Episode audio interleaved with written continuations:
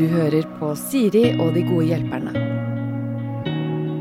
Helgens gode hjelpere er eh, Hilde Skaar og Magnus Devold. Hilde Skaar, bedre kjent som artisten Skaar. Kanskje spesielt for låter som uh, Turn Off The Tide, Higher Ground, It's Christmas After All fra Hjem til jul, den første sesongen der. Og så spilte du nettopp på Spellemann. Åssen var det? Kjempegøy. Og litt uh, rart å spille igjen. Men jeg, da var, ja, det var jo gøy. Koste meg. Rart fordi du ikke har spilt eh, live på lenge pga. koronaen? Ja, og så er det rart fordi jeg har jo eh, snikskryt, eller promotering av meg sjøl, kommet ut med et akustisk album nå. Ja. Så det er liksom akustisk veldig ned på låter med veldig masse luft i stemma jeg har jobba med. Og så plutselig skal en trykke på, og det skal være litt rock. Mhm. Og jeg skal hoppe rundt. Det føltes veldig Jeg følte meg veldig Jeg følte meg litt sånn romvesen, kanskje. Ja. Men da kan det jo være kjekt, da òg. Ja. Absolutt. I hvert fall hvis man vet at man har returbillett til den planeten man egentlig trives aller, aller best på. Ja, og da hadde jeg jo. Ja. Så jeg er tilbake nå. Det er bra. Ja. Dette albumet vet jeg at Magnus Devold har hørt på i hvert fall fire ganger siden det kom ut for eh, en ukes tid siden, Ja, jeg og koser prøvde, seg i hjel med det. ja, jeg prøvde også å være ærlig nå. Jeg kunne sagt sånn Jeg har hørt på det sikkert 40 ganger, men det hadde vært løgn. Så nå Ja. prøvde jeg å være helt ærlig og si jeg tror fire er riktig tall. Ja. Det er jo ganske bra. Jeg synes Så- det er mye mer enn jeg hadde trodd at folk hadde orka. Ja, det jeg, jeg kommer til å orke flere ganger òg. Nydelig. Men eh, foreløpig på Ja, jeg begynte vel på lørdag, så det er jo fem dager siden. Ja. Eh, så det er nesten en gang om dagen i snitt, da. Det er ikke gærent. Da er Målløs. Ja, Takk. Det er, Er det sånn at du liker spor sju best? Er er det en sånn gammel myte om at ofte så blir man så glad i spor syv? Jeg har en sånn greie med spor fire. Oh, ja. Eh, men eh, nå har det blitt mer sånn, fordi nå setter man jo bare på eh, Nå skal jeg snakke litt om moderne måter å høre på musikk Ja, det. Ja. på. For man, man trykker jo bare på en app, Ja. og så begynner det å spille. Og så legger man fra seg telefonen. Så jeg har ikke helt oversikt ennå over hva sangene heter, og hva som er hva. Nei. Men eh, jeg har likt generelt eh, albumet veldig godt. Totalopplevelsen er god. Totalopplevelsen er kjempegod. Hvordan var totalopplevelsen av Du er jo nå aktuell på Discovery Pluss da med Kjør meg til OL, verdens lengste bomtur. Eh, s- du skulle jo til OL, men det OL eh, ble avlyst. Men det har jo ikke så mye å si for turen. Hvordan var turen? Eh, kort oppsummert eh, er det jo Det er jo en blanding av utrolig gøy og forferdelig. Ja. Eh, og så sitter man igjen etterpå, sånn som nå, eh, hvor det er en stund siden jeg gjorde det, sitter man bare igjen med det som var gøy. Av minner. Ja. Og så kommer jeg på sånn i drypp når jeg ser serien. Altså, å herregud, ja. Jeg sov der i tre dager. Tenk at jeg orket det, når man har en vanlig leilighet eh, å sove i her. Eh, men det var gøy, å eh, får lyst til å reise igjen. I hvert fall nå. Ja, du sa noe i stad uh, før vi skrudde på uh, rekord. mm. så sa du om at eh, jo for, mer forferdelig jeg hadde det, så trøster jeg med tanken på at dette blir sikkert gøy for andre å se på. Ja, det er en veldig god trøst.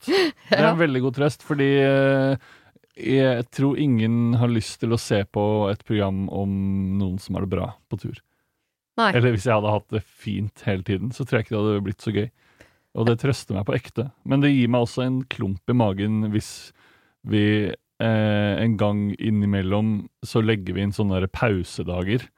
Eh, hvor jeg og kameramannen kanskje bor på et litt finere hotell og eh, drar i et svømmebasseng. Ja. Så tenker jeg også på Såpass. Såpass. Såpass, ja. er det.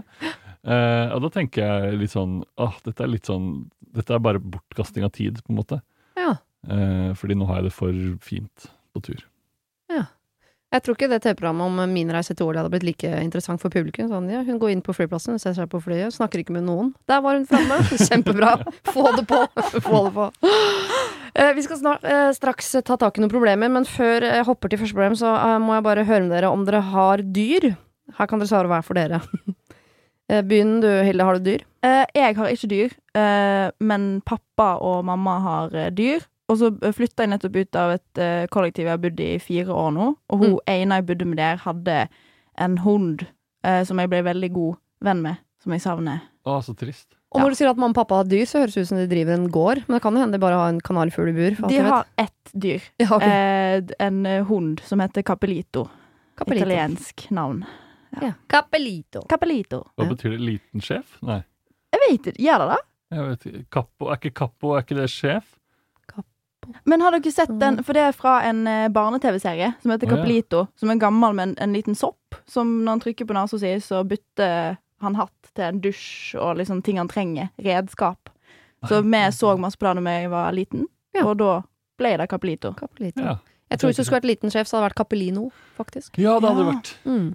Bare sånn for å skryte på den italienskkunnskapen man har.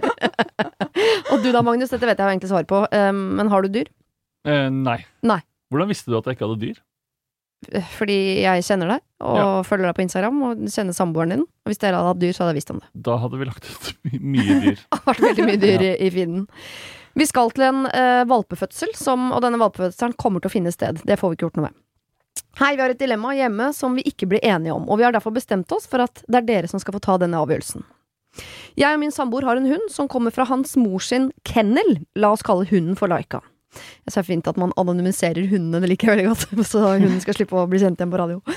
En del av avtalen eh, da han overtok denne Laika, var at det skulle settes valper på henne som skal selges når hun blir gammel nok. Og nå har vi gjort dette, og det nærmer seg at valpene kommer. Derfor har vi havnet i en diskusjon om vi skal la henne få valpene her hjemme hos oss, og da må ta ansvar for fødsel og nyfødte små knøtt, eller om vi skal levere hunden til svigermor, og så hente henne igjen etter ca. fire uker, når valpene kan klare seg uten henne.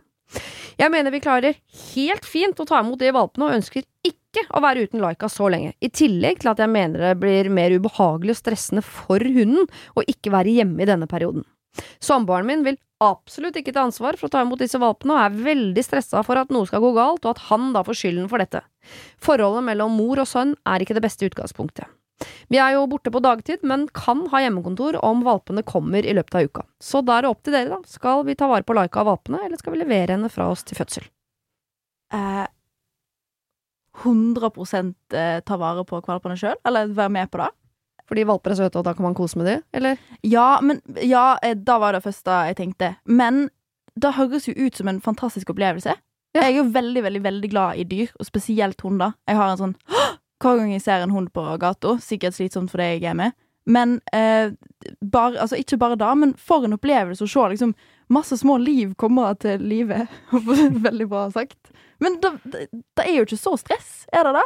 Er ikke det bare å Ja, For jeg er også helt sånn naiv i min tankegang rundt dette og tenker sånn Masse valper! Herregud, Ja. så koselig! Men så syns jeg jeg har hørt en eller annen gang av folk som har valper, sier sånn Det er bare Altså, det er så mye jobb. Hva er det de gjør da? Eller er det de bæsjer og griser og ødelegger ting? Ja, det tror jeg. Ja, Og så tror jeg de må passes på nesten hele tiden. Ja. Uh, og jeg, man klarer jo ikke å jobbe hvis man vet at det er en valp eller flere valper i samme bygning. Nei. Så hadde jeg ikke klart å jobbe ett sekund. Uh, Da hadde du gått i 100% kos. ja. Ja. Uh, nei, jeg vet eh, Det som kanskje er litt rart, er jo at han For det var han som var hans mor. Som har kennel. Ja, og han ville ikke Han var ikke interessert. Jeg tror, jeg, mest, det, jeg tror det ligger litt på det dårlige forholdet mellom han og moren, og at han ser for seg at han ikke skal klare oppgaven, og så er det en Ja. av valpene som dør, for han glemte å et eller annet. Men mo moren har likevel sagt til han at uh, 'dette må du gjøre for meg'. Jeg tror tilbudet om å komme hjem og ha hundefødsel hos henne, det er, står ved lag. Ja. Men, men hvorfor sa hun at uh, dere får den hunden, men da skal den hunden ha kvalper? Var det Det tror jeg er et økonomisk uh, greie. For eh, Ja. enten så må hun ha penger for den hunden, du kan få den gratis, men da skal jeg ha det tilbake Verdien da, økonomisk skal jeg ha tilbake ved at jeg okay. selger valpene hennes. Ja. Ja. Det er sånn deal man ofte inngår med kennel. Ja, OK. Bikkje er butikk, vet du. Men Ja. de, de hadde et dårlig forhold, så det er ikke alt, men, men er det fødselen han er redd for, eller er det på en måte hele om de dør seinere òg, på en måte. For fødselen, på en måte, så kunne jo moro kanskje komme og være med på det. Men de hadde litt dårlig forhold. Ja, det Kanskje det. da Men kanskje du er inne på noe der, at man skulle invitert ned mor og si sånn eh, hvis hun kan, Jeg vet ikke om man kan dra, reise noe sted når man har en kennel, kanskje ikke. Ja. Men sånn, har ikke du lyst til å komme på besøk til oss da, mamma, så får han reparert forholdet ditt, servere noe, en italiensk gryte av noe slag, og så tar de denne fødselen sammen, bonder litt over, over den fødselen. Eh, Hun kommer sikkert til å tenke på da Å, neste gang er det menneskebabyer, og jeg blir bestemor, og så er det litt sånn fin seanse rundt det. Ja. Og Så kan hun følge litt med på hvor de valpene bæsjer Ja. mens de jobber. ja. Og kanskje reparere. Jeg bare ser for meg sånn Ofte det mødre vil, er jo å føle at barna trenger dem hele livet. Ja. Så hvis han kan liksom nå bruke den situasjonen til å si sånn Mamma, jeg trenger din hjelp og dine tips. Kan vi livestreame valpeperioden, eller kan vi ringes hver dag? Jeg syns det virker som en god måte for deg å kanskje eh, få et bedre forhold på òg, for ofte når en skal liksom eh, playe et forhold eller vennskap eller liksom med familien, så, så er det veldig vanskelig å bare gjøre over en middag uten noe å ha liksom et, et punkt som en kan fokusere på. Men her er det liksom masse kvalper, og han kan spørre henne om ting, så hvis han er redd for å drepe en kvalp med å glemme å mate han eller noe sånt, Mm. så, så er det jo bare å liksom ringe henne eller spørre hva, hva gjør jeg nå, eller bare kan du gi meg tips. Jeg, jeg tror kanskje det kan være en hyggelig ting for alle, da. Ja. Mm. Og så kan man ikke være sint når man er med masse valper. Nei, Det Nei. går ikke an. det går faktisk ikke. Og ja, det er jo Jeg føler det her er jo Det her er jo liksom muligheten mor og sønn har, egentlig har venta på i mange år. mm -hmm. uh, på at nå skal endelig denne familien føres uh, sammen igjen gjennom disse valpene. Åh, det er eventyr. Og så får de to øvd litt på sånn, klarer vi å ta vare på andre levende vesener, som jo Ja. kan være fint å finne ut av som par. Mm. I et, Og, ja. og de vet jo ikke uh, om det er kjempekjekt eller kjempestress før de har prøvd det. Så de kan jo på en måte Altså istedenfor å bare ikke tørre å gjøre det, gjøre det denne gangen. Mm. Hvis de liker det, så kan de gjøre det igjen. Proppe den hunden full av flere kvalper.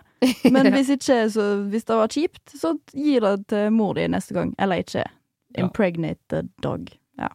Helt enig. Og nå er jo tida også for å kose seg hjemme med valper, for det er ikke så mye annet å kose seg med. Så jeg tenker, jeg syns alle som har muligheten til å ha valper hjemme, burde ha det nå. Jeg, Jeg skulle gjerne hatt et valpekull. Jeg, skulle, jeg har lyst til å ta det på meg sjøl, jeg. Mm. Kanskje jeg skal sette valper på bikkja mi. Det er en gutt, da, så jeg er jo litt mer omstendig men eh, det, det betyr ikke at man ikke skal prøve. Ok, jeg tror vi er eh, på fasit der. Altså, dere tar eh, valpefødsel hjemme. Inviter gjerne mor til fødsel hvis man klarer å time det. I hvert fall inviter henne inn i prosessen, sånn at du må ha en løpende dialog med henne, så dette blir et samarbeidsprosjekt mellom deg og din mor. Og det er en slags eh, quick fix på forholdet. Og du og din samboer får også testa. Får vi til dette? Pluss all kosen i korona. Det er det ikke mange som kan skryte av om dagen. Vi skal over til en eh, situasjon som ikke inneholder eh, hunder. Vi har også problemer fra menneskeverden. Hei, Siri og dine gode hjelpere. For noen år tilbake delte jeg leiligheten med min barndomsvenn, kall henne gjerne Lina. Samtidig som vi bodde sammen, sleit jeg mye med min helse, hadde mange dager eh, hvor jeg bare hadde nok med å komme meg opp av senga. Vi hadde det ganske greit, det var ikke noe vondt mellom oss. Etter et år valgte hun å flytte til en annen by for å studere, og jeg ble værende her. Helsen min ble ikke noe bedre, snarere tvert imot, og de gangene hun prøvde å ta kontakt, så hadde jeg ikke overskudd til å gå inn i det. Noe jeg angrer på. Derfor skriver jeg til dere i dag. Jeg har nå kommet til et plass i livet hvor jeg har funnet ut av livet, slått meg til ro, og jeg kjenner at jeg savner bestevenninnen min masse. Men jeg vet ikke hvordan jeg skal gå fram, siden jeg skammer meg så mye over hvordan ting ble. Kan dere hjelpe meg? Kall meg Mina. Altså, eh, Mina og Lina har bodd sammen, og Mina har måte Lina har prøvd å holde kontakten, Mina har ikke orket. Så når Lina har tatt kontakt, så har hun kanskje ikke svart. Hun har mistet Lina. Men nå det høres ut som hun kanskje har overskudd til å, å ta tak i det igjen. Men hvor begynner man, liksom? Det er vanskelig det der eh, Det er i voksen alder. Ja. Mm. Og at det skal være så mye greier rundt venner, og så går det en eller annen sånn tid eh, Eller når det passerer en eller annen tid, så føler du sånn Nei, nå, nå går det ikke Nå kan jeg ikke si fra lenger. Eller spørre om Mm. noe lenger. Nei, men er det likt? Er timingen på det likt om det du skal si fra er noe du vil ta opp som er vanskelig, eller noe du vil ta opp som er Nei, egentlig som bare er, hyggelig? tenker som er hyggelig, ja. Ja. At det føles litt sånn rart. Eh, jeg, hadde, jeg har hatt en lignende situasjon med en sånn som jeg hang litt med for ti år siden. Mm. Som jeg plutselig begynte å snakke noe om, og så, og så begynte vi å snakke om at vi skulle møtes og ta en is. Ja. Eh, og så følte jeg sånn Dette er liksom Det er noe merkelig Mm. her. Ja. Uh, og sånn er det, selv om man liksom har bodd sammen, sånn som de har gjort, så er det likevel litt rart. Men jeg, alt i alt så er det jo Jeg tror jo veldig, hvis man liksom kan få til å møtes, at man kommer veldig fort tilbake igjen i sånn som det var. Så kanskje spørre om noe uformelt. Uh, om man skal Nå er det jo ikke lov å sitte på kafé, men drikke kaffe eller eh, gå en liten tur eller gjøre et eller annet, en eller annen bitte liten ting, sånn at man bare får møtt hverandre. Ja. Men fortell åssen det gikk med han med isen. da Møtte dere hverandre, spiste dere is? Nei, Er dere venner nå? vi rakk ikke å møtes, uh, så vi, det, det, det er liksom på vent. Å ja, du er, det er, du er midt i prosessen? Jeg er midt i prosessen. Ja, beklager uh, hvis det var sårt. Det er jeg som har sendt inn dette. Ja. Nei, um, uh, jeg er Så den isen er ikke spist ennå, nei. Nei, men jeg har med andre før òg, så er det jo sånn herre Hvis man plutselig skal møte folk igjen som man ikke har sett på lenge, som man så veldig mye, så er det rart i et halvt, halvt minutt. Ja. Eller mindre enn det òg. 20 sekunder? 10 sekunder? Men her tror jeg Mina på en måte føler at hun har sånn ting hun må fortelle og forklare til Lina, og nærmest en sånn unnskyldning som også ligger der. Ja. Burde hun starte der, tenker du, eller? eller? Um, jeg syns det, det er utrolig sånn sårt å høre på. Jeg hadde faktisk en ganske sånn lignende situasjon i fjor, um, som ikke endte så veldig bra. Uh, da hadde jeg uh, og, og så har jeg jo òg en jobb nå som begynner å bli mer og mer travel, og en ting Altså, jeg føler uh, en har det ikke alltid kjempebra, og i fjor så var det jo mange som var triste og gikk inn i en slags depresjon eller sånn. Ja. eh, og så var det liksom en del folk jeg hadde mista kontakten med fra min heimby Stord. Um, og så bodde vi i forskjellige byer, og dette var liksom folk jeg var i vennegjeng med, og så, og så var jeg litt dårlig til å ta kontakt, og så ble det på en måte sånn en, flere venner jeg på en måte mista litt sånn gradvis kontakten med. En, en sklir fra hverandre, og Mm. flere grunner. For, det er litt sånn likt for meg og hun Mina, da, at jeg, jeg, det var ikke alltid jeg klarte å ta den kontakten, for det ble litt for mye. Mhm. Men så var det bare et tidspunkt der jeg kjente litt på samme måte at nå, nå har jeg overskudd. Nå, nå har jeg veldig lyst til å reache ut, og jeg har lyst til å på en måte høre hvordan det går med deg. Jeg har, lyst til å på en måte si sorry for at jeg ikke har tatt så masse kontakt. Og da, da skrev jeg en veldig sånn melding og hørte, hørte at du var her, kan vi møtes, er så lenge siden. Eh, ting har skjedd i mitt liv, og jeg håper det går fint med deg. Prøvde liksom å på en måte på en måte eh, gå inn i ting, men ikke helt, for en kan jo gå inn i ting når en faktisk ser hverandre. Mm. Eh, men hun var ikke så veldig interessert i å møtes. Det var kjempetrist. Og, Ja. det, og det, det var sånn, nå, vi har sklidd fra hverandre, jeg har bare plass til så og så mange venner i mitt liv, eller, og nå, du har ikke tid til meg, jeg har ikke tid til deg. Det er ferdig mellom oss, på en måte. Oi, det var hardt. Det var kjempekaldt. Det Ja. var veldig trist. Og, og, og, det kan gå galt òg, men, men jeg føler jo da altså Mest sannsynlig så vil den andre pers personen på en måte ha åpne armer og si at de vil treffe deg igjen, for det er jo masse historie en har. Mm. Men for meg så gikk jo ikke det så bra.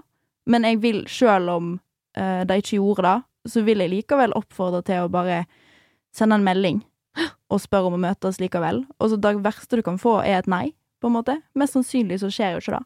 Og selv om man skulle få det nei-et, så har jo da eh, Mina fått sagt fra om det hun gjerne ville si. Eh, for Ja. hun kan jo skrive i den meldingen sånn 'Jeg beklager, jeg har vært fraværende i mange år, for jeg har ikke orket'. Men nå har jeg overskudd, og jeg kjenner at jeg savner deg. Vi var Ja. jo veldig gode venner. Hva tenker du om å møtes? Og hvis hun da sier sånn 'Nei, sorry, jeg har ikke plass', eh, så har jo hun i hvert fall fått sagt unnskyld på en eller annen måte, og Ja. at hun kan kose seg med at jeg prøvde, i hvert fall. Og så får resultatet tale for seg, men jeg bare Det er jo hyggelig Man burde jo synes det er hyggelig at noen tar kontakt og sier sånn 'Jeg beklager at jeg har oppført meg sånn mot deg. Mm. Jeg savner deg'. Det er veldig vanskelig å ta imot det med sånn å, å, å bli sur. Mottaker Ja. det må jo bli glad på en eller annen måte. Mm. Nei, Mina, det syns jeg du skal. Ta Ja, kontakt, send en melding. Ja, og som, akkurat som du sier, Hilde, ikke gå sånn helt i dybden. Det kan man ta Nei. ansikt til ansikt. Men Men begynn litt, kanskje. liksom. Ja. vært en vanskelig periode, sorry, har ikke vært helt til stede. Kan vi møtes? Og så tror vi at Lina kommer til å si ja. Og Ja. da kan du legge alle korta på bordet. Ja. Så kanskje det er starten på et eller annet. Spis en is. Ja. Gjør det. Det kan hende det fungerer. Det, men det var mest et sånn til deg, Magnus. Spis en is. Å ja, det var til meg, ja. Ja. Da Jeg skal også få gjort det greiene der. Du må få til den isen. Ja, det selges is overalt. Det er veldig lett å få gjennomført det Det greiene er der. sant. Ok, vi skal over til et par i eh, oppussingsfase. Eh, her er det to stykker som skriver inn. Jeg og samboeren min pusser opp et over 100 år gammelt tømmerhus. Vi fordeler oppgaver sånn noenlunde. Jeg tar meg av pussing, sparkling, maling osv., mens han tar seg av selve snekkerarbeidet. Vi gjør eh, alt arbeidet selv og har dermed ingen gjeld på huset. Samboeren min er veldig flink, veldig nøye. Men problemet er at han sjelden gjør et prosjekt 100% ferdig før han begynner på et nytt. For eksempel så mangler det to lister i stua og på badet. Det mangler litt fuging på kjøkkenflisene. Hvis det kommer fug utenom flisene, så tørker han det ikke opp, og så videre. Ikke noe big deal, dette her, men likevel irriterer det meg når det som regel er jeg som må ta med av disse småtingene i etterkant, som tar veldig lang tid. Samtidig så må vi jo samarbeide, jeg vil ikke være en sånn dame som maser på mannen sin og forteller han hva han skal gjøre, i hvert fall ikke hva det eh, gjelder oppussing. Det er jo veldig demotiverende, og jeg hadde ikke likt det sjøl. Har dere noen tips til hvordan jeg kan motivere han til å ta siste finishen på arbeidet, slik at vi kan få ett rom 100% ferdig? Kan kanskje legge til at vi har hatt litt kjipe perioder under oppussinga fordi det har gått litt treigt, og fordi vi har bodd hos svigers i nesten et år mens vi har pussa opp. Vi har eh, endelig flyttet inn nå, altså, og vi trenger å beholde den gode stemninga. Kall meg hva dere vil! Oi, hva vi vil. Hva dere vil. Oi. Jeg har lyst til å bruke det Capelito-navnet litt Ja, eh, videre. Altså. Capelito! Ja. Ja. Åh, Da blir det. Capelito. Jeg kjenner meg litt igjen i det derre Ikke at jeg har pusset opp et helt hus, men det derre hvis jeg skal rydde Ja. eh, ganske mye Mm. eh, hjemme, eh, så begynner jeg med noe, og så plutselig får jeg bare øye på noe annet. Ja, Eh, ja. Og så bare begynner jeg plutselig å rydde det istedenfor. Og så, og så går jeg rundt i sirkler i, eh, der jeg bor, og liksom rydder litt og litt på hvert sted.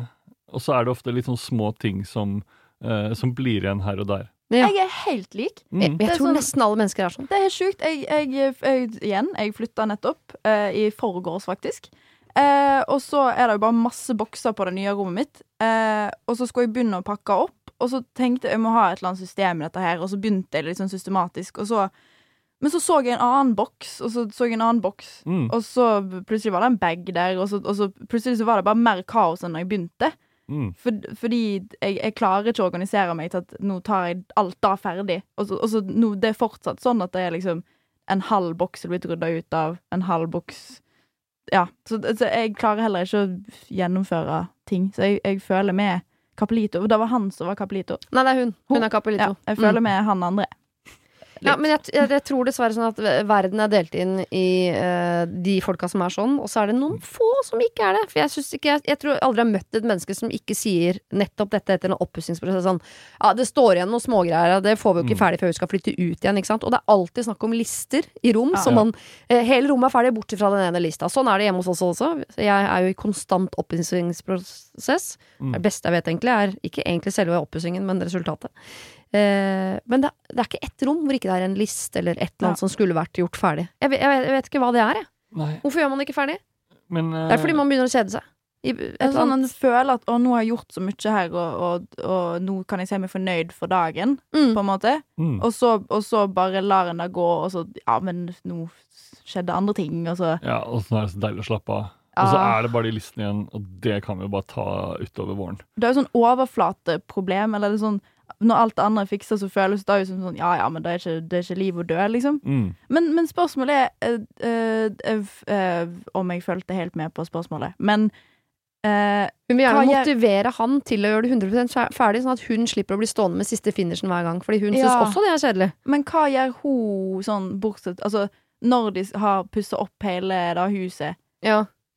Har hun liksom vært med på bare å gjøre siste finishen, eller har hun vært med i prosessen like mye som han? At hun, de faktisk gjør det i lag? Hun tar pussing, sparkling, maling og så videre, mens han tar snekkerarbeidet. Så jeg tror her er det snakk om sånn Han setter opp liksom Ja. reisverk og lette vegger og holder på. Mens Ja. hun er litt mer på det derre Ja, på sånn typisk finisharbeid, da.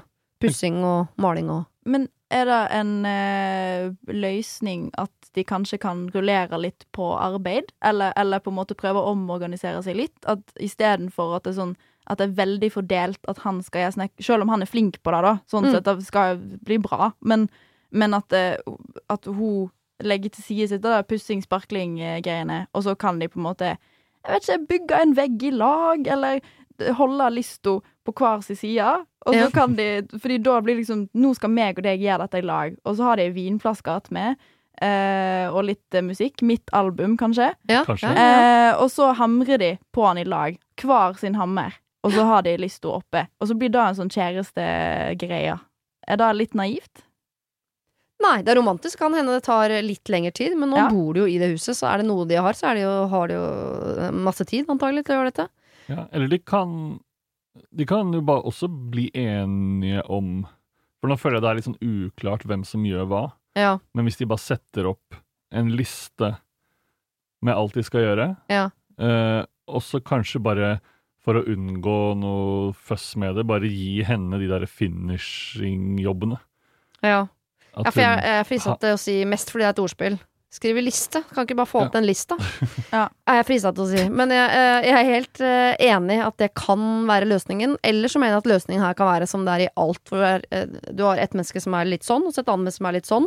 Istedenfor å gjøre det ene mennesket om til å være litt sånn som man selv er. Bare legge bort det prosjektet. Det tar veldig mye tid. Og så kan jo da Capelito være den som tar siste finishen.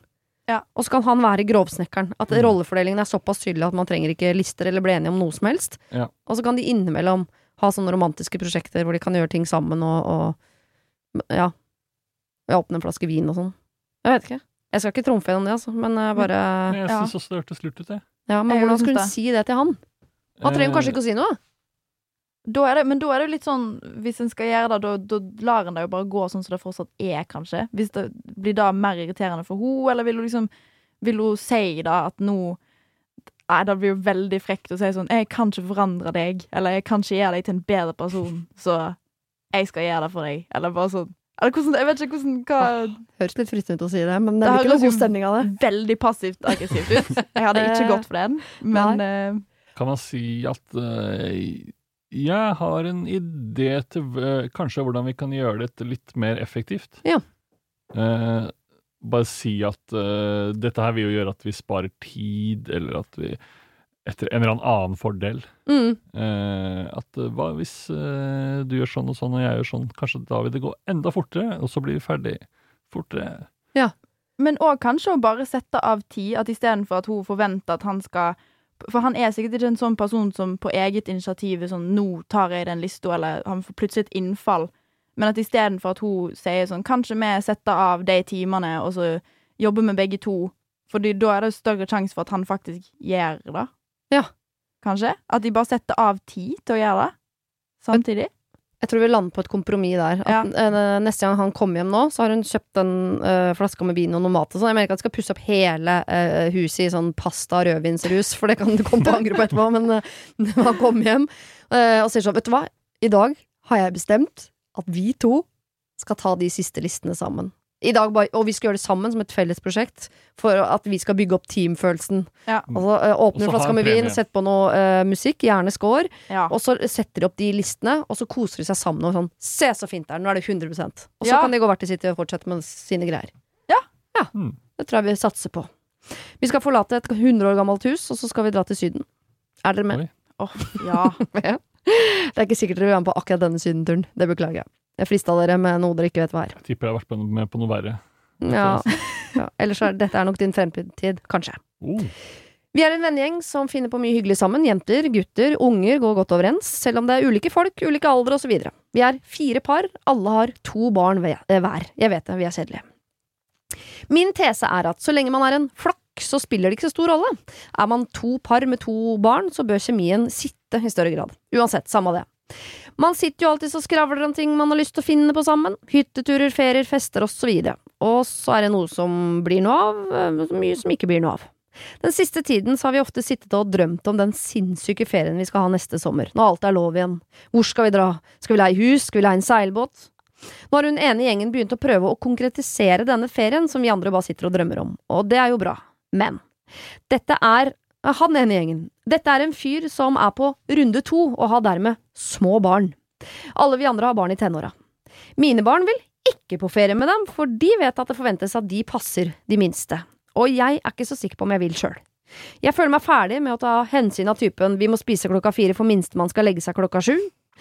Vi er en ganske lugn gjeng ellers, nemlig, men kona, som det er noe yngre enn oss, er mer en stressa type, mer hønemoraktig, kommer til å klikke når vi foreslår å ta oss en GT i sola klokka tolv. Hvordan skal vi rigge en ferie i 2022 som ikke inkluderer dem? Hilsen Pål og Marte. Oh. Ah, den er Mhm. lei. Den er litt lei, eh, den der.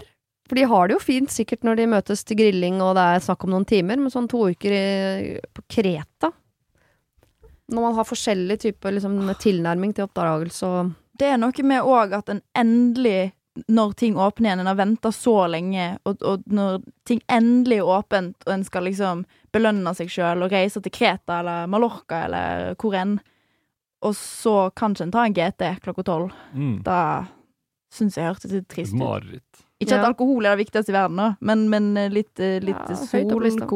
Ja. Ja, også noe med det å f innimellom føle at man har lov til å drikke klokka tolv. Ja. Grann. Ja, ja. Uten at du skal få sånn stygge blikk Ja. fra andre. Og uten å bli full, men bare liksom gjøre det på ferie, Mm. er jo det man, man kan erstatte mye med å være i Norge, men akkurat det der å drikke alkohol på dagtid føler jeg er så mye rarere Ja. i Norge enn i utlandet. Og så føler jeg også litt jeg skjønner veldig godt det med middagene. Fordi at eh, i Syden, noe av det beste er jo en litt sein middag. Etter en lang dag i solo. Og Mm. bare gått på tur eller sola seg og kost seg, og så, og så tar en sånn skikkelig skikkelig digg middag når det begynner å bli litt mørkt. Og, Mm. åh, Mm. det er vanskelig. Jeg eh, Ja. Mm. Eller i hvert fall bare egentlig det å slippe å planlegge så innmari til punkt og prikke. For jeg husker sånn, Å ha små barn husker jeg var mye sånn Vent, da. Da skal han sove en halvtime midt på dagen her. Da kan jeg kombinere det med at jeg setter på en klesvask. Det er sånn, man øh, planlegger ned på sånn mikronivå, som man jo da syns er utrolig å slippe den dagen man ikke trenger det lenger. For hvis det er sånn middag klokka fire, fem, sju, åtte, ni-aktig, kommer litt an på Jeg har begynt å koke noe pasta, men så begynte jeg å drikke vin. Og så, ja, jeg skal hakke grønnsaker. Altså, ferie skal jo bare flyte. Det skal jo Ja. ikke være sånn Der skal man ikke ha noen lister, ingenting. Det skal bare liksom flyte. Ja. Og da, jeg skjønner at Pål og Marte kan bli gærne av tanken på at det kommer en eller annen inn, men det er sånn Ja. Nå må vi spise, for nå er det bare to timer til Nå er det barne-TV om en halvtime, og så er det Men man, det kan man jo ikke si. Nei, men kan, ha, Ja. har de pleid å dra liksom samme sted hvert år?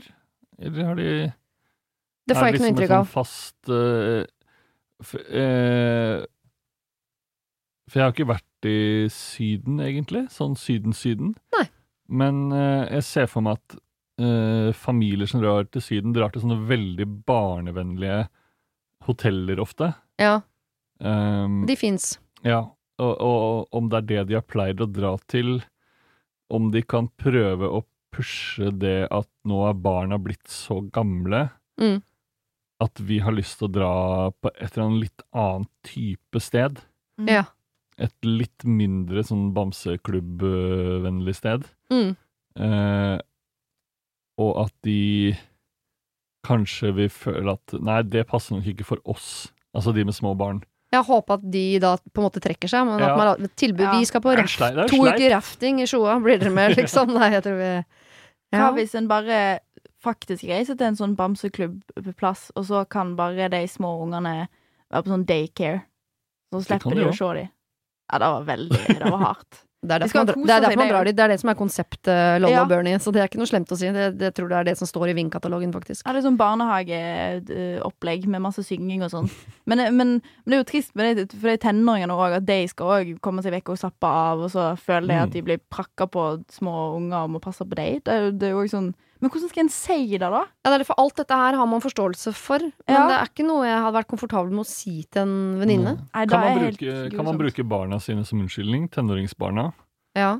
og si at jeg foreslo det for tenåringsbarna våre, og de, de orker Braksa, ikke, liksom. liksom. Ja, Ja. de, de nekter å være med på en sånn barnevennlig ferie som er tilpasset et eller annet. Så i år så kommer nok vi til å dra til Ibiza Ja. og feste istedenfor. Men, Eller- men ja. eh, de trenger jo ikke heller si sånn at eh, eh, våres tenåringsbarn har ikke lyst å passe deres unger. De kan jo heller si sånn De hadde veldig lyst til å reise her til, for Mm. det er nå er de så voksne, og det virker fett, liksom. Ja. Og så er ikke det så lukrativt for den lille barnefamilien. Men jeg ser for meg sånn i forhold til deg òg, så virker jo det som en fin tur å ta med venner. De er sikkert kjempeslitne og le av ungene sine, eller bare le av det livet. Og så får de på en måte reise med vennene sine og fått Mm. litt avlastning. Men det er ikke de vi skal hjelpe nå. Det er de som har sendt inn. Og sånn er det jo ofte, fordi Ja. ofte sånn er det sånn Hun ene på 13 elsker å passe unger, ja, da er det en vinn-vinn-situasjon. Men hvis det er to unger som er sånn Vet du hva, jeg, uh, jeg liker ikke små barn, jeg har ikke lyst til å bruke ferien min på det. Nei, jeg hadde ikke hatt lyst til det da jeg var 13. Nei, det hadde ikke jeg heller, antageligvis. Jeg tror ikke det.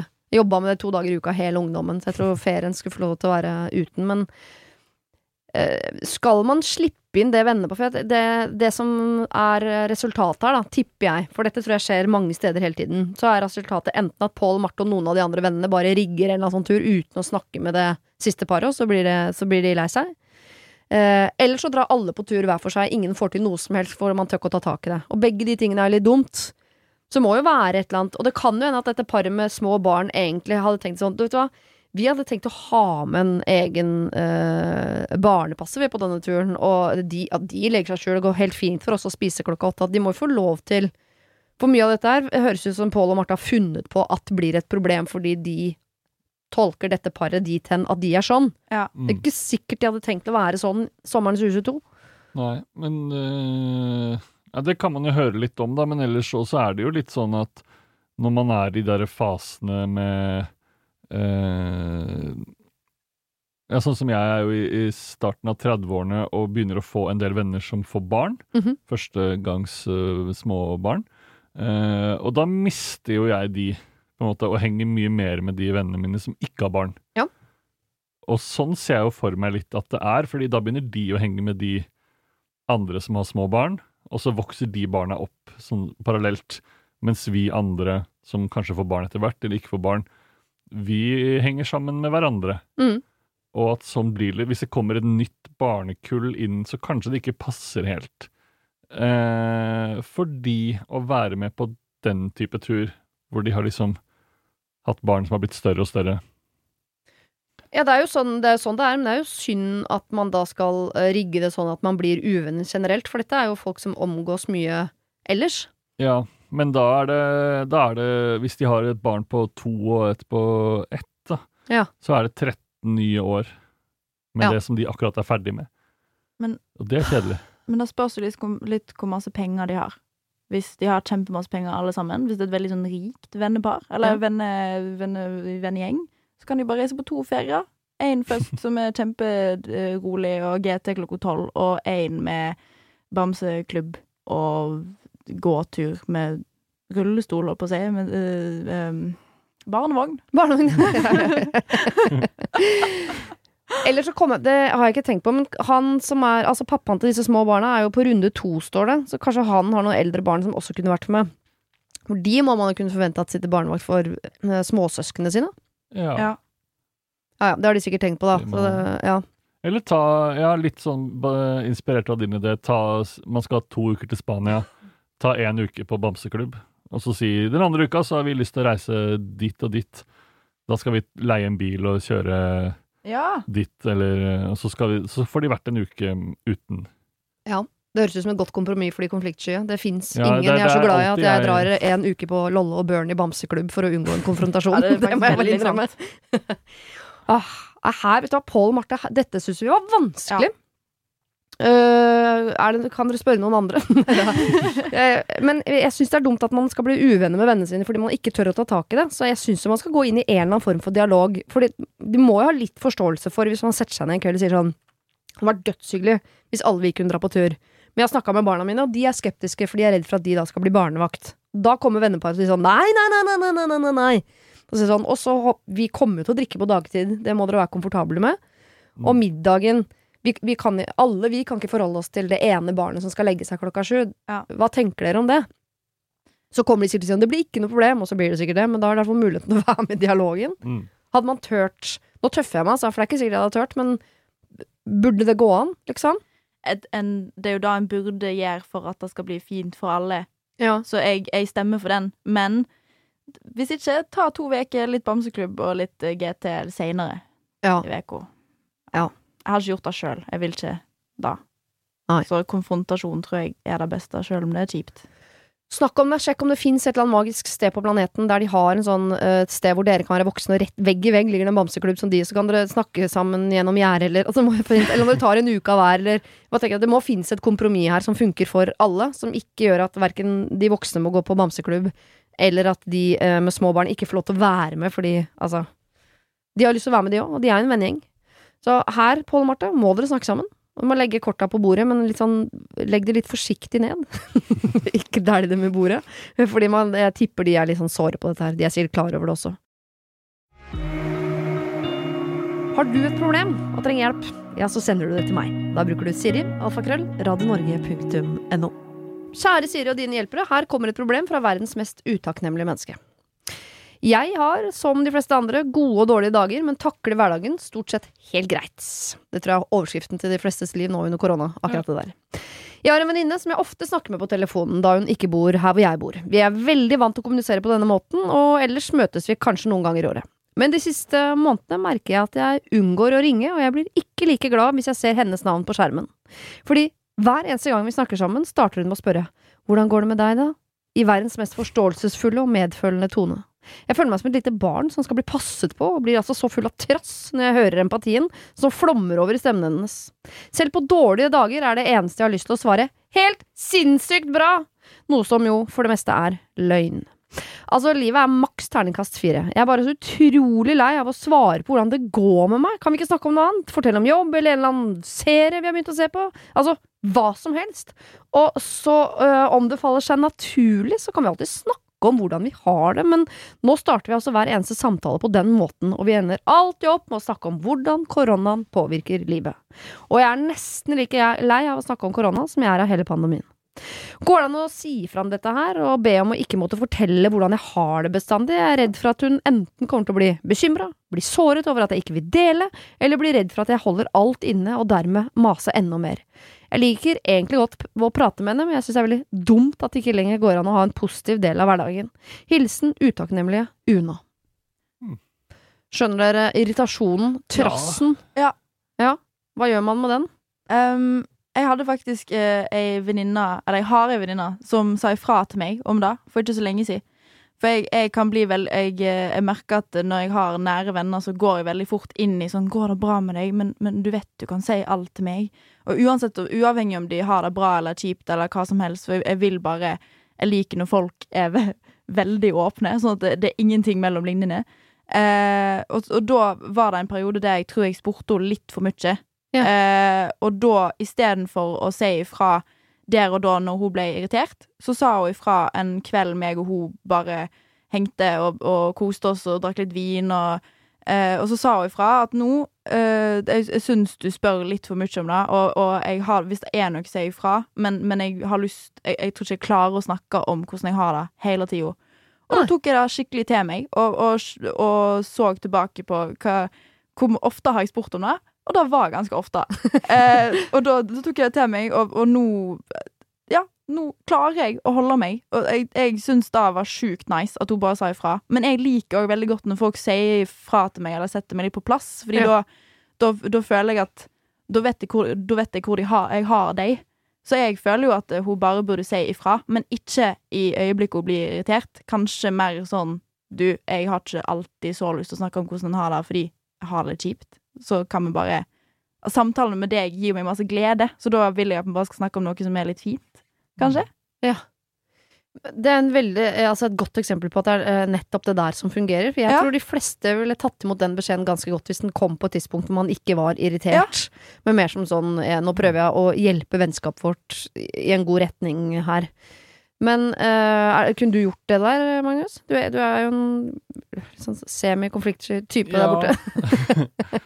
uh, ja, hvis det liksom går langt nok, så kunne jeg sikkert ha gjort det. Jeg tenkte litt på om hun venninna kanskje har et behov for å snakke om at hun har det kjipt. Oh, ja. Er det derfor hun starter alle samtaler med at nå må jeg tømme meg litt fordi jeg ikke har det så bra? Da ringer jeg eh, hun, venninna mi, som jeg ikke husker hva heter. At det nærmest er eh, taktikk? At du tenker sånn jeg spør deg hvordan du har det, sånn at vi kan gå over Ja, for på da kommer hun sånn til å spørre meg tilbake, Ja. og da kan jeg fortelle om at jeg syns ikke det er så hyggelig å ha hjemmekontor. Nei. Men jeg synes også, hvis det er intensjonen til uh, denne venninnen som ringer til Una, som er utakknemlig Una, så tenker jeg at den ja, det kan også stoppes. For jeg tror selv om de fleste nå er på terningkast fire, så tror jeg ikke det hjelper at vi ringer hverandre hele tiden snakker om hvor utrolig terningkast fire livet er. Det er deilig å bare ha liksom vanlige Ja. samtaler også. Ja. Men da, man kan jo komme inn i forkjøpet. Så idet man tar telefonen, eller ikke tar telefonen, ringe opp to minutter etterpå, for da har man regi. Mm. Da er man den som stiller det første spørsmålet. ja. Og selv om jeg det høres, Hvis noen hadde ringt meg og sagt sånn Hei, hva ser du på for Netflix på tiden, da? Da er det sånn, Hæ? Skal vi ikke innom Ja. noe sånn Noe helt sånn random høflighetsgreier først? ja, eller kan man si bare Hvis hun spør om det og Nei, kan vi ikke snakke om noe hyggelig? kan vi ikke snakke om noe annet enn uh, det å sitte hjemme hver eneste dag.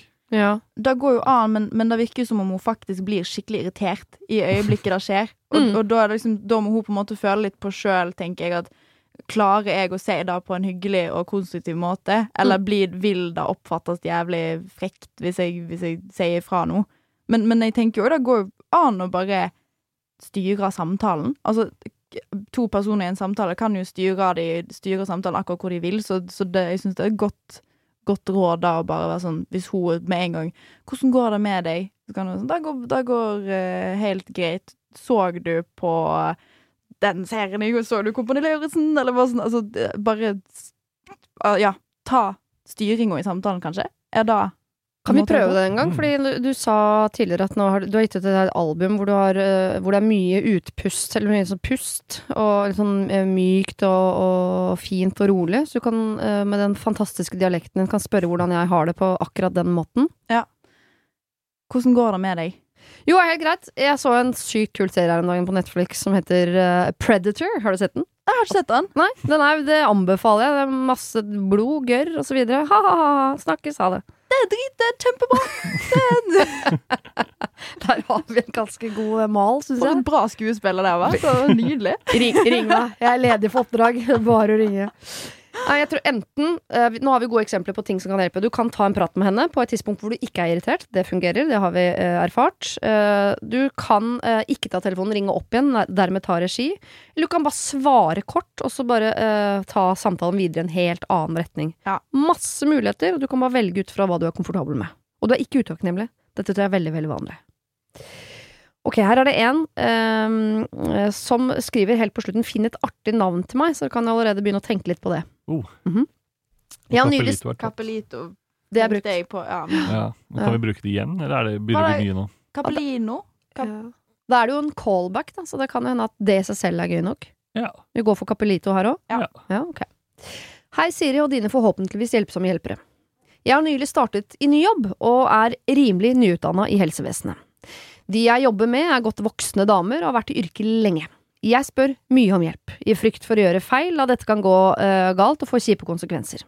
Så til problemet. Når jeg spør om hjelp, er de småfrekke og blir tydelig oppgitt. Jeg kan høre de hviske når, eh, når de ikke vet at jeg er i rommet ved siden av, og svarer hardt og småfrekt når jeg stiller spørsmål.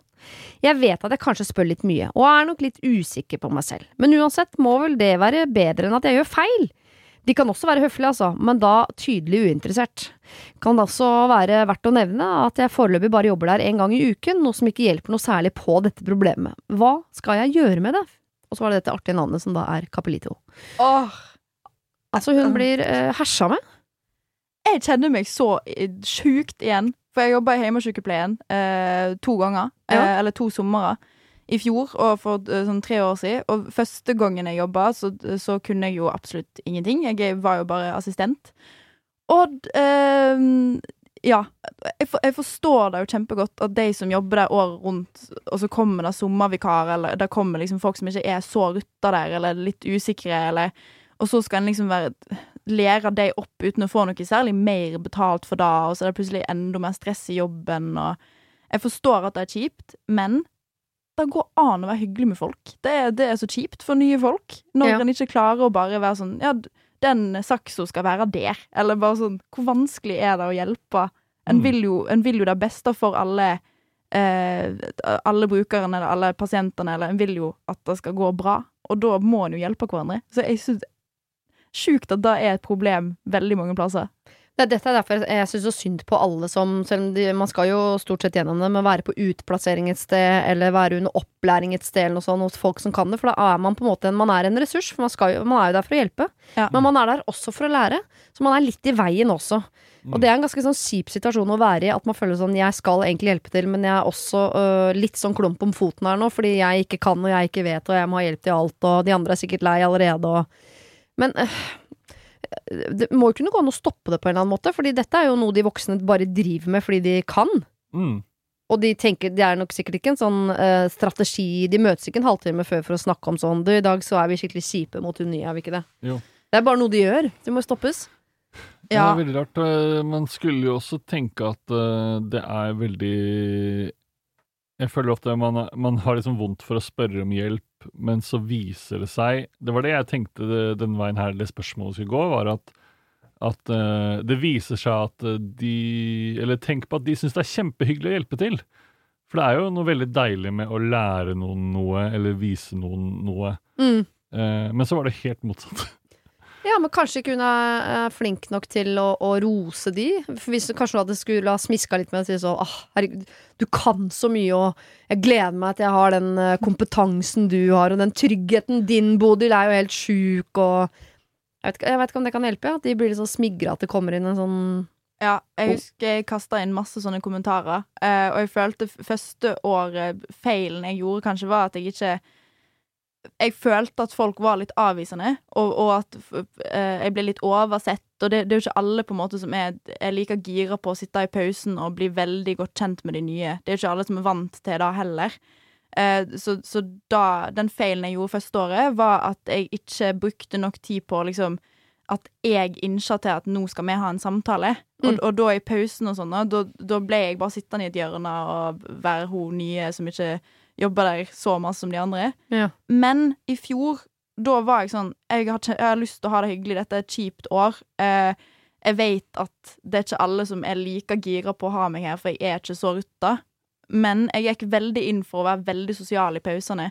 Og det gjorde at eh, istedenfor at jeg, ba, jeg, eneste samtalen jeg har med folk, er at jeg spør om ting, Mm. og liksom skal ha hjelp, så kunne vi ha vanlige samtaler i pausen der vi faktisk ble litt kjent med hverandre. Og jeg ble liksom kjent med sånn De fortalte livshistorien sin, og vi kunne tulle med ting vi hadde sett på TV, eller bare sånn.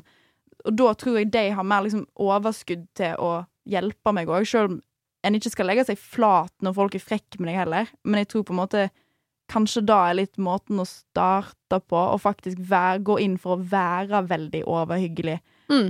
Og, og på en måte bare by på seg sjøl. Ganske masse. Mm. Ja.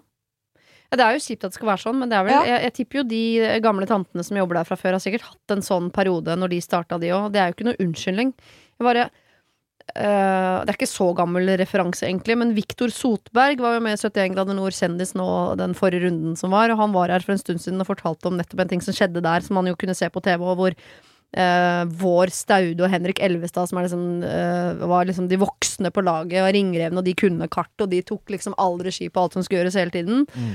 Hvor Victor på et eller annet tidspunkt liksom følte seg litt sånn å, Han ble helt oversett hvis han hadde noe liksom innspill på ting som skulle gjøres, eller spurte om noe, så var det helt sånn Så, så følte han seg bare en sånn, sånn klump om foten på de gamlisene. Mm. Hvor han satte seg ned og, og, og kjefta på det, liksom. Tok tak i det og bare 'Jeg er også her for å lære. Jeg vil også lære meg kart og kompass. Dere kan ikke ta alle avgjørelser. Jeg føler meg oversett.' Og, og kjeft. Han ga voksenkjeft til de voksne. Mm. Og da eh, hele det laget endret seg jo. De ble en kjempe sånn close og fin vennegjeng som alle leste kart sammen. Det ser rart ut, men jeg tenker at hun kan jo også sette de på plass.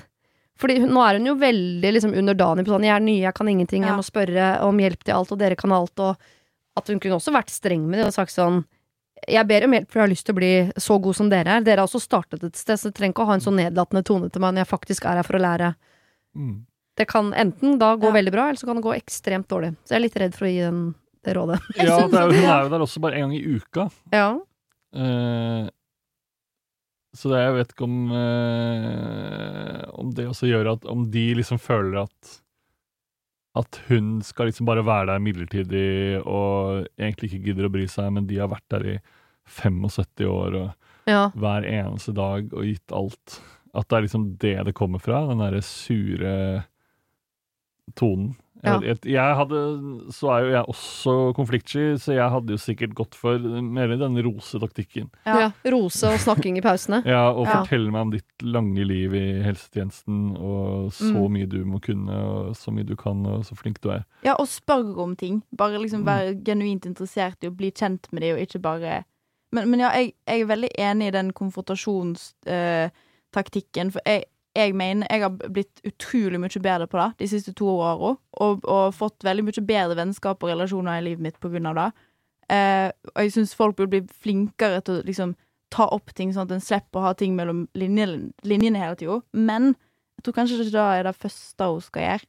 Hvis Nei. hun kanskje prøver å Altså prøver liksom å, å bare bli litt kjent med de først, kanskje, og rose og, og bare være positiv. Og når hun lærer ting fra deg, så vil jo hun bli mye flinkere i jobben, og da tror jeg de vil få en annen, et annet syn på hun òg, kanskje, når hun blir bedre i, i jobben. Selv om det høres litt sånn Det er jo litt trist at hun må bevise noe for at de skal like henne, men Jeg tror vi kjører en tretrinnsgreie her. Altså, Ja. Begynner med dette, Bli kjent med de i pausene, still spørsmål og bli liksom et menneske de må forholde seg til i større grad enn det du er nå. Uh, eh, pøs på med noen komplimenter etter hvert, oppå der, og funker ikke det, så må du si fra sånn 'Denne tonen tolererer ikke jeg'. Ja. Et eller annet sted på veien der kommer dette til å bli bedre. Ja. Jeg har jo lyst til å snakke direkte til de gamle tantene, blir irritert på de. Ja. Jeg har lyst til å kjefte på de, jeg kjefter gjerne på de, send de til meg. ok, nå skal vi over et, eh, eh, et samboerproblem igjen, eh, som jeg tror mange erfarer. Kjære Siri og de gode hjelperne. Jeg har et problem som egentlig ikke har vært så stort, men nå kjenner jeg at jeg begynner å tære litt på i den ellers relativt kjedelige hverdagen. Jeg har vært sammen med kjæresten min i snart to år, vi har bodd sammen i ett. Dere kan kalle han Jonas, meg Lotte. Jonas er utrolig omsorgsfull, morsom og snill, og det er, så det er ikke han som person som er problemet. Problemet er at han har så utrolig rare preferanser når det kommer til TV og hva vi skal se på og ikke se på. Han nekter eksempel å se på noe som helst som har fått under 7,5 på IMBD, som er en side hvor alt av TV og film og sånn rates. Noe jeg syns er veldig spesielt, da det faktisk kan være serier som har 7,2, som er morsomt, lærerikt eller spennende. Jonas liker heller ikke norske eller generelt skandinaviske TV-programmer, serier eller filmer, og har derfor også en del hull i kunnskapen når det kommer til kjente norske og skandinaviske personer. Dette skremmer litt, da det virker som han ikke følger med på hva som skjer i Norge i det hele tatt, og når andre folk snakker om kjente personer som er i vinden, så aner han ikke hvem de er. Eksempel på personer han ikke aner hvem er, er Bernt Hulsker, Dagfinn Lyngbø, Martin Lepperød, Drillo, Linnea Myhre. Ja, listen er lang. Dette er personer jeg tenker man iallfall har hørt om. Jeg mener at han kan holde seg litt oppdatert, og gjerne bli med på å se Kompani Lauritzen en gang iblant, for eksempel, men det er helt uaktuelt. Derfor blir det mye diskusjoner hver gang vi skal se på noe, eller velge hva vi skal se. Jeg vil si at jeg er fleksibel, og ser gjerne science fiction, selv om jeg syns det er dølt, fordi vi skal tilbringe litt tid sammen foran TV-en. Men jeg skulle også ønske at han kunne gi litt tilbake. Er det for mye å forlange at begge to skal gi og ta når det kommer til TV-titting i et forhold? Jeg må understreke at han får lov til å bestemme veldig ofte hva vi skal se på, og lar eh, meg se på det jeg vil, men da gidder ikke han å bli med. Jeg ser de fleste vennene mine koser seg sammen med kjæresten og ser på Kompani Lauritzen på lørdagskvelden, mens vi sitter og ser på westernfilm fra 2007 fordi den har fått 7,6 på IMBD. Eh, IMDb, ja. Håper dere kan hjelpe meg, jeg blir gal. Dette hadde nok ikke vært et like stort problem om det var lov til å være sosial og gjøre andre ting, men slik hverdagen er nå, så går det faktisk mye i TV på kveldene, både hverdag og helg. Hilsen Lotte, som har veldig lyst til å se Kompani Lauritzen, og Norges tøffeste, sammen med kjæresten min. Dette pleier å være et problem hvor uh, det der med 7, bla bla bla på IMD er byttet ut med fotball. det Ja. Han vil se fotball, jeg vil se de andre tingene. Ja. Hva, eh, hvordan skal man få denne eh, IMBD-snobben til å eh, jenke seg noe? Ho. Eh, nei, det, det, det er veldig rart å og Jeg tror alle har jo sine preferanser på hva de liker å se på TV, men at eh, Å liksom nekte å bli med på noe som helst av den andre vil se på, Ja. det er jo veldig rart. Ja, det syns jeg er skikkelig teit. Hun burde gjøre det slutt. Å ja. Nei, det var litt for hardt. Men jeg syns det er et stort problem, da. Fordi uh, Greit nok da at han ikke liker de samme tingene som hun, men han må jo være åpen for at de kan At, de, at en dag så ser de Kompani Lauritzen, en annen dag så ser de en westernfilm som de ikke burde ha sett, for det, det er kjedelig. Men liksom at Har problemer med western sjøl, jeg. ja, hva er ja. greia med det? Nei, Men liksom, da burde det være 50-50. Og han kan, de kan heller bare være enige om at nå skal vi se dette, og jeg vet, at hun er sånn Jeg vet at Jonas ikke liker dette så godt, men han elsker meg så masse at han, at han piner seg gjennom Kompani Lauritzen for meg. Og så Mm. kan vi liksom Å, jeg har en god idé. Eh, som jeg har gjort eh, før. Eh, som kan gjøre det mer gøy for han å se på de tingene hun vil eh, se på. Og da er å lage sånn der TV-bingo. Skulle akkurat til å si det samme. Ja, det er kjempegøy! Det er lenge siden jeg har gjort. Ja. Og, så, eh, og så kan de for eksempel, hvis de har det er en fredag eller lørdag, da, eller klokka tolv, eh, så kan de ta seg en liten GT eller drikke litt pils, og så kan de ha liksom en sånn drikkelek, eller en vanlig, ikke alkoholfri drikkelek, eller ja, eh, bingo. Der Nå er du skal- veldig pedagogisk. ja, prøver det. prøve, ja. Ja, ja, ja. Nasjonal radio her. Ja.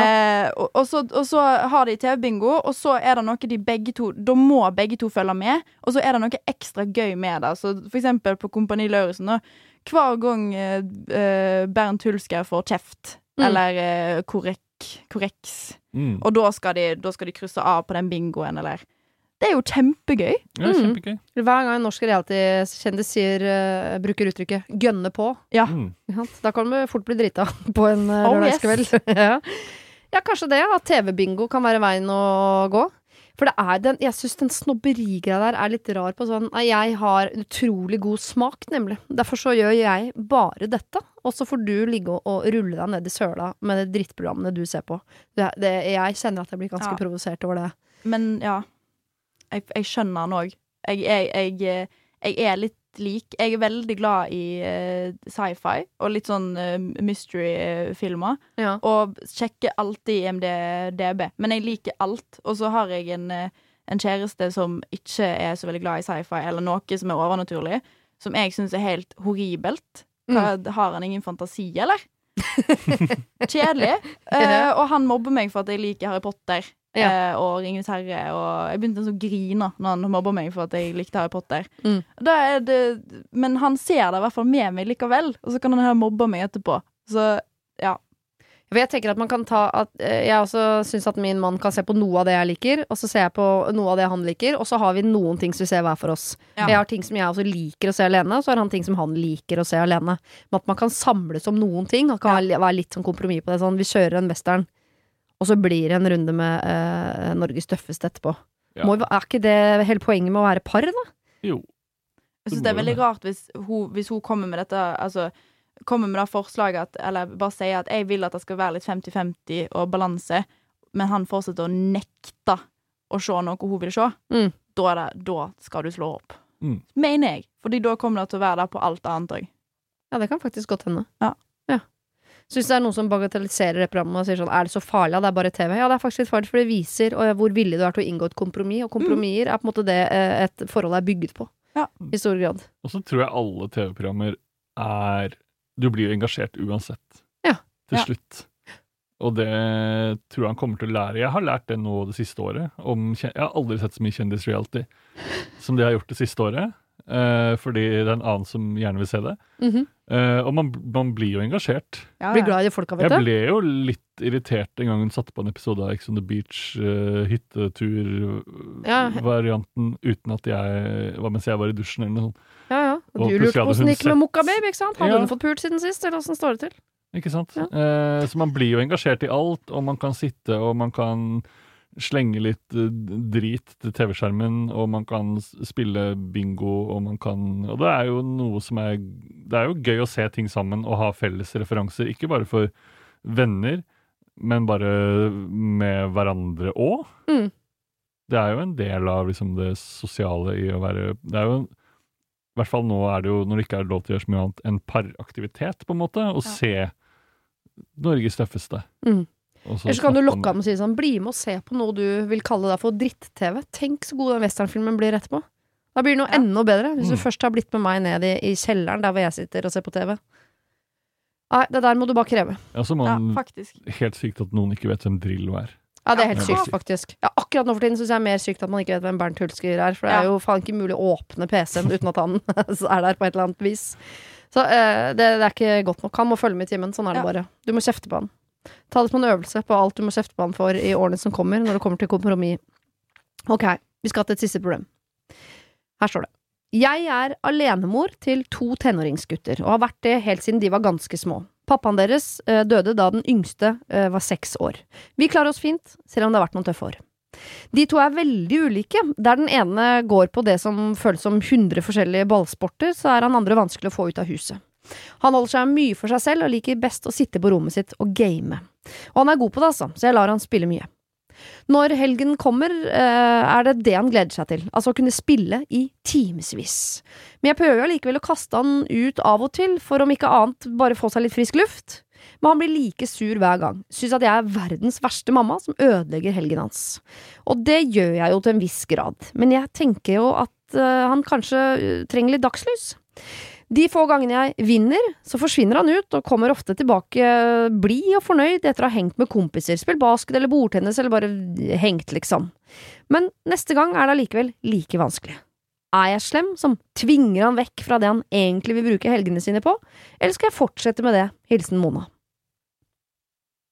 Dette er voksenproblem. Dette er voksen. eh, Ja, her må dere ikke bare sette dere inn i det å få barn, men inn eh, i det å ha tenåringsbarn som Ja. ikke vil ut av huset. Jeg føler jo tenåringer eh, vet jo absolutt ingenting om hva som på en måte er best for dem selv, og tenker kun Nå snakker jeg sikkert mye om meg selv òg da jeg var tenåring, men man tenker bare de neste fem minuttene, Mm. eller den neste timen, frem, og det, hva er det som er gøyest å gjøre akkurat nå?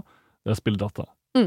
Eh, og man klarer liksom ikke å lære av det at man hver eneste helg de siste to årene har kommet hjem etter å ha vært ute og er superfornøyd.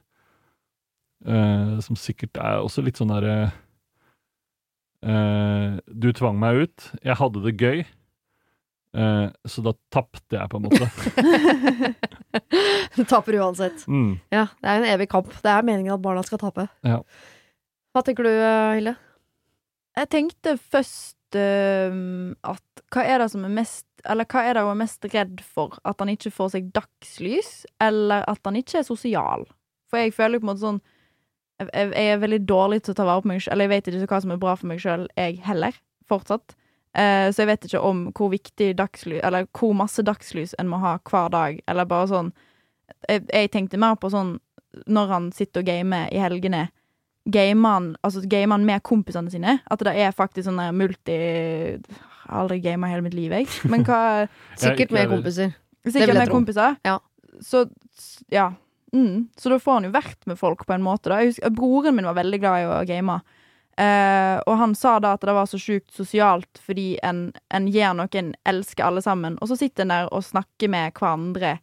Uh, så jeg føler, jeg føler ikke at en skal på en måte eh, tenke på gaming som bare negativt heller. Jeg føler liksom Mamma òg er sånn veldig fort på at å, alle, alle som gamer, har et gamingproblem. Da, Mhm. det- som, da, det blir liksom addictive. Og det er ikke sånn for alle. Det er jo fint òg. Jeg tror kanskje at hun ikke bare må se på det som en kjip ting, for det, og heller kanskje engasjere seg litt i at det er hans hobby. Det er faktisk hans hobby. Ja.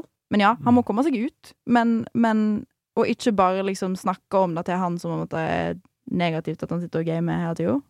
Kanskje? Nei, jeg, jeg også tenker noe dagslys tror jeg på en måte vi har godt av på en eller annen Ja. måte. Og man, som mor så skal man jo faktisk stå i det å bli hata ganske mye i mange år. Fordi man, det er jo vi som tvinger barna til å gjøre alle de tingene de ikke har lyst til. Men hadde vi ikke gjort det, så hadde de jo fortsatt bare gått rundt nakne og spist godteri hele dagen og sett på tegnefilm. Det Ja. går jo ikke, ikke sant? Vi må jo få de videre. Mm. Eh, og det er det masse motstand i. Eh, Og jeg oppfatter ikke Mona som en som er som imot Gun Lara. Hun gamer ganske mye. Ja. Jeg syns man skal la en som gamer, få lov til å game like mye som en som er glad i fotball, spiller fotball. For det er på en måte for meg helt like interesser. Og selv om den ene selvfølgelig har mer dagslys enn den andre, Mm. så er det eh, de to eh, likestilte hobbyer for meg på mange måter. Og hun må jo være litt engasjert i det når hun sier han er god i det. For Ja. det har jeg aldri hørt noen foreldre si om barna sin gaming før. Nei. At han er god. Det er veldig hyggelig at Mona uh, skriver. Er Så sånn sett så tenker jeg at hun er en ganske sånn en god gamingmamma. Ikke en som er av den typen som syns all gaming bare er liksom addictive og noe man må slutte med. Ja. Mm. Men skal hun fortsette å tvinge han vekk fra For jeg skjønner jo det åh, nå hadde jeg gledet meg endelig helg, jeg kan game fra jeg står opp til jeg legger meg, det er bare det jeg har lyst til. Skal hun tvinge han bort fra det? Burde hun sette noen veldig tydelige grenser, istedenfor at, hun- at det er liksom det er litt forskjellig hver dag, eller sånn at hun føler nå har han sittet inne i seks timer, nå, nå burde jeg gå inn og si at han burde prøve å få seg litt dagslys. Mm. Er det nice? Altså, altså, det er jo forskjell Det kommer an på hvor gammel han er, for søsteren min har jo uh, tre unger og en uh, som er blitt åtte-ni år nå. Eh, og han liker jo å game, men hun har veldig sånn tydelige grenser på sånn Så lenge gamer du, og hvis du har en kompis på besøk, så skal du ikke spille samme, samme spillet, og, og, og at det er liksom de grensene for at han skal ha det best mulig, da. Mm. Men da er det kanskje vanskeligere hvis det er en tenåring som begynner å bli eldre. Ja. Jeg vet Mm. ikke.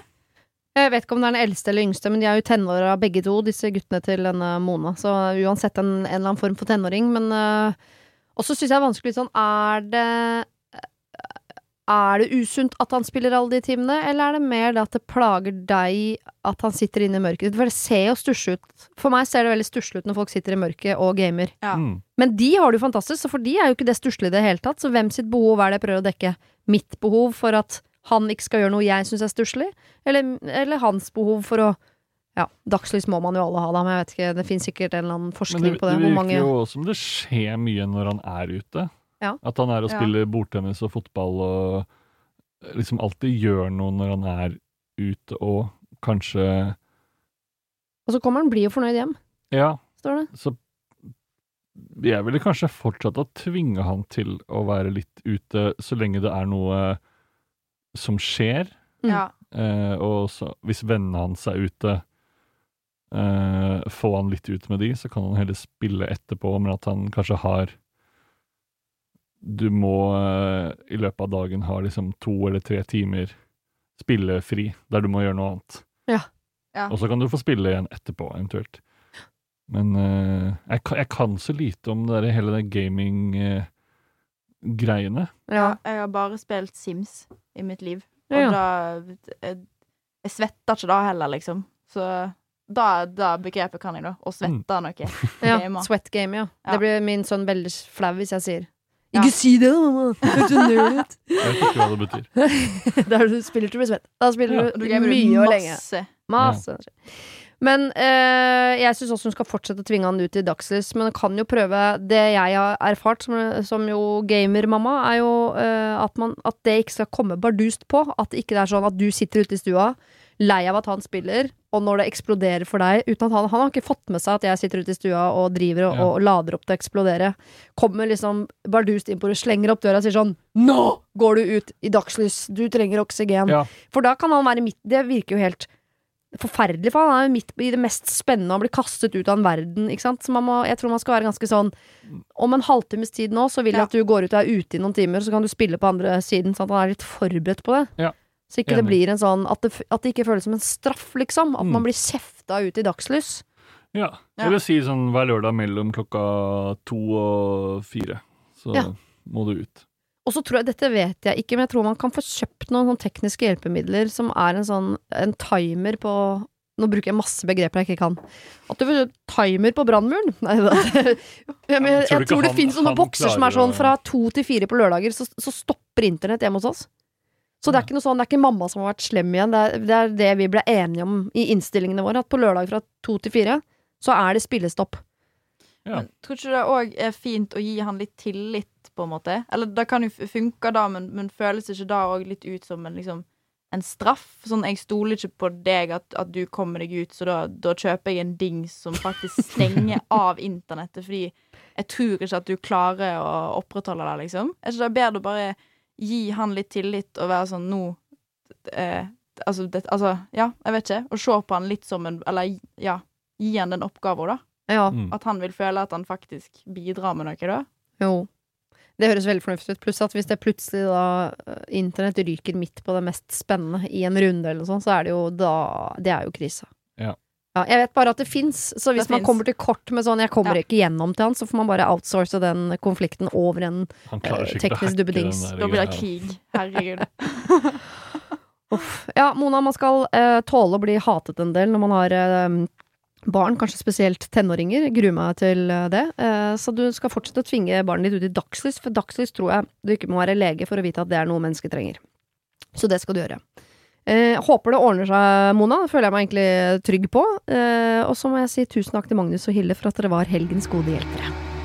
Takk sjøl. Takk skal du ha. Det var det. Husk å sende ditt problem til siri at radionorge.no om du vil ha hjelp. Denne podkasten er produsert av Klynge for Bauer.